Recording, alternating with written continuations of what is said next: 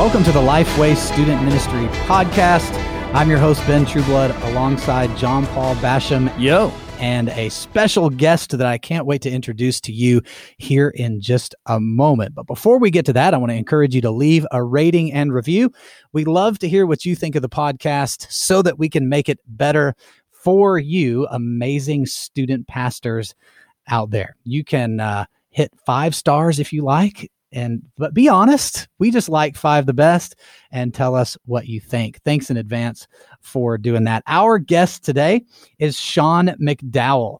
He is a gifted communicator with a passion for equipping the church particularly young people to make the case for the christian faith. He has a phd in apologetics and worldview from southern seminary and is an associate professor in apologetics at Biola University, travels the world speaking in the realm of apologetics and worldview, and is the author of more than 20 books. 20 is a lot of books. He's also the co host of the Think Biblically podcast. So make sure you go and give it a listen. His new book and Bible study releasing in December 2020 is called Chasing Love Sex, Love, and Relationships in a confused culture. You can find out more about that book and study at lifeway.com slash chasing love.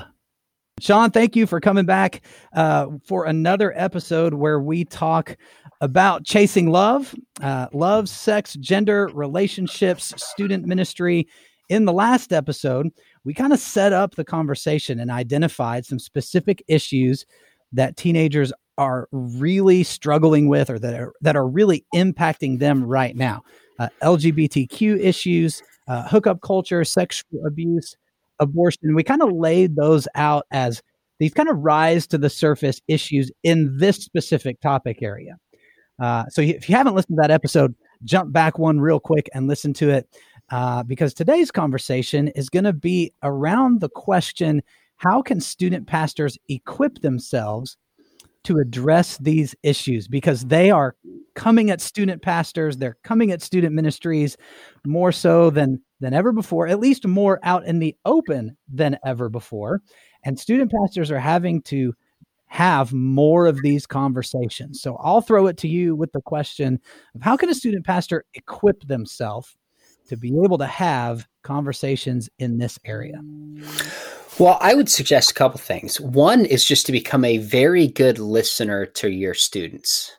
I'm 44 years old, so I'm a couple decades plus removed, probably about three decades, where a lot of these students are. But Same. I have my own. I have my own kids. I have 17 students in a high school Christian class that I teach.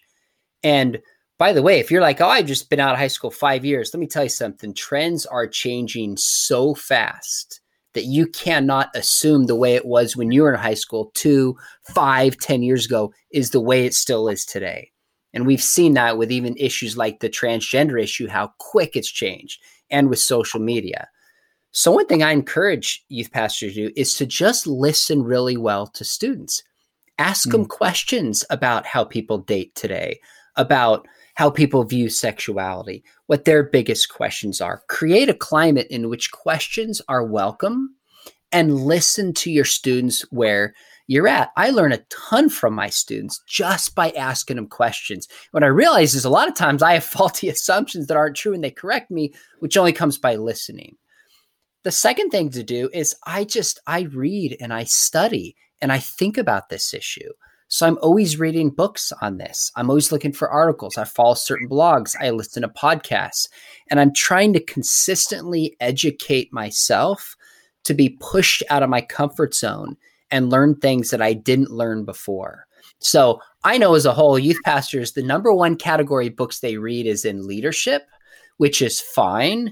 But I would say step outside of that and get some books on cultural engagement, get some good books on sexuality today, and read them. And also, the other thing you do is just follow. I'm pro- I'm sure probably most of you do this. Is I follow a lot of kids on social media, and I watch what they post, and you can see that's oftentimes very different what they tell you at church from what's actually going on in their lives.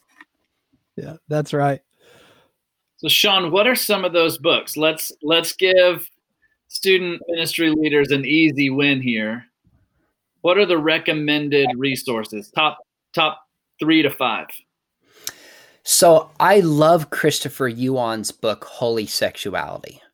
I think it's fantastic. It's biblically based. It deals with the LGBTQ conversation, but not just the LGBTQ conversation. It's broader than that. He says the question is not heterosexuality or homosexuality, but holy sexuality by Christopher Yuan, Y U A N. So I would start with uh, that book. That's an excellent one. Um, I would say uh, Preston Sprinkle has a book coming out in spring. This is still a few months out. It's a new book on transgender identities. I think it's called Embodied. That's a book I would actually pre-order and and know that one. Uh, another book on transgender out success I would I would recommend is called Irreversible Damage, and it's by Shrier S H R I E R. And I don't believe she's a Christian. She's not writing for pastors, but it's talking about this rapid onset gender dysphoria that's taking place and how in the UK over the past five years it's increased 4,000%. And in the US, I hmm. believe about is half that.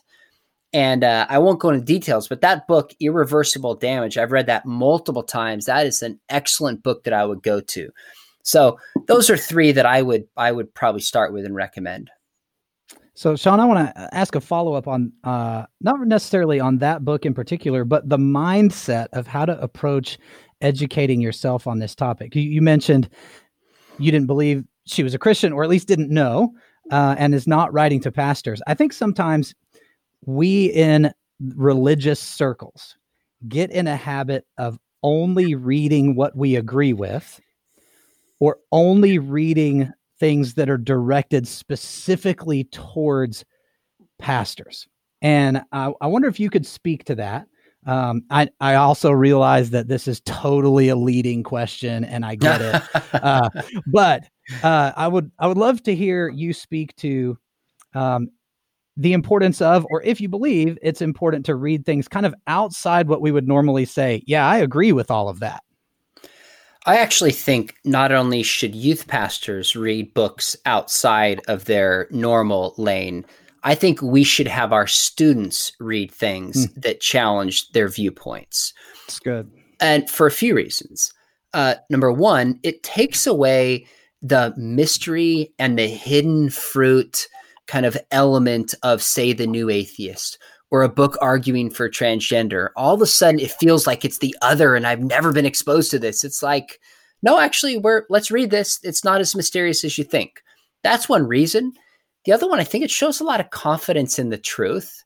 If we actually are willing mm. to engage books or videos or articles from a different perspective, read them charitably, charitably and engage them, and third thing is it tends to interest our students. If we just read things that agree with us, students feel like, oh, they're telling me how to think.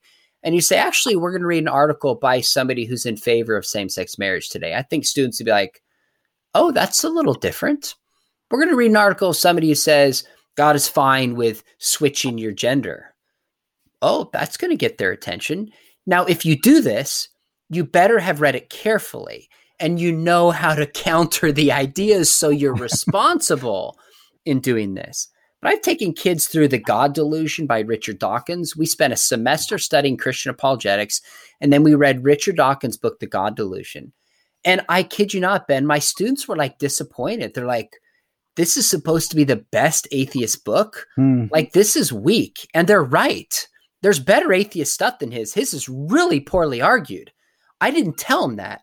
They saw it because I prepped them for a semester and then we read it together and dissected it. So, the other reason we should is the only way we find our blind spots is when we read people who disagree with us. So, on the LGBTQ issue, I wrote a book on same sex marriage about five years ago. I mean, I'm telling you, dozens and dozens and dozens of books, stacks of books from the far left to the far right. And it was pretty unsettling when I started that. I'm reading these affirming arguments going, I'm not really sure how to answer this. That's a hmm. pretty good argument. But now that I've worked through it and look back, my confidence in the biblical view has skyrocketed because I was willing to work through that process. So I would encourage leaders. Now, this book, Irreversible Damage, uh, the lady who writes it is a journalist, and she's fine with the larger transgender narrative, but says this rapid onset with teens, we are damaging young girls. Shame on us. So, this example where I would say, here's somebody with a different worldview. We differ over the larger transgender issue, but we agree radically about what's happening to young girls. So, I can pull from a source that doesn't share my worldview and I can make a better argument because I can say, look, even this lady who's not a Christian agrees with me, and here's why. So I think we should read books of different perspectives. You mentioned confidence. I think that's a huge factor for for student pastors and really anyone in this conversation is the more confident you are because of the self-education, the more likely you're going to be a gracious, loving, engager in that conversation with somebody else rather than standoffish or awkward or I don't know what to do right now.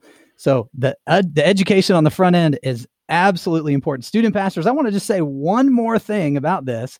If and I agree with everything Sean has just said, uh, I also if you plan to do something like this with your students, make sure you have a conversation with your senior pastor. Make sure you talk yep. make sure you talk with your leadership. Yep. make sure you uh, communicate with parents so that everybody knows why you're doing what you're doing. So make sure you this isn't one that you just get on amazon and order 12 books and say hey we're reading this today. Do do your do your pre-organization work too.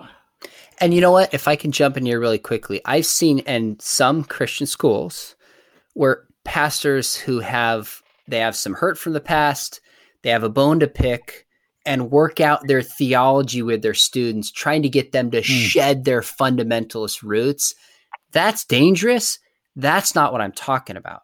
I'm talking mm. about hmm. teaching students to think critically. Now, one more thing I'd say to pastors if you do this is find another youth pastor, find another pastor to talk these issues through don't go read all these books alone because a lot of these books are written intentionally with you in mind to talk you out of your beliefs. Some of the books I've read are hmm. like poison, but I have training. I worked it through with friends of mine and always brought it back to scripture. So don't approach anything like this lightly, but we should be stretching ourselves as well. That is such good stuff. Special thanks to Sean McDowell for joining us for this episode and the other three episodes in this series on teenagers' love, sex, gender, and relationships. I want to encourage you to listen to those. If you want to find out more about Sean's new book and Bible study called Chasing Love, you can go to lifeway.com slash chasing love. I also wanted to let you know about a longer conversation that Sean and I had over on YouTube at Student Ministry That Matters. If you want more of this kind of content, and uh, Sean and I are able to dive in a little bit deeper because of the longer conversation there. So head over to Student Ministry That Matters. And this has been another episode of the Lifeway Student Ministry Podcast. We'll see you next time.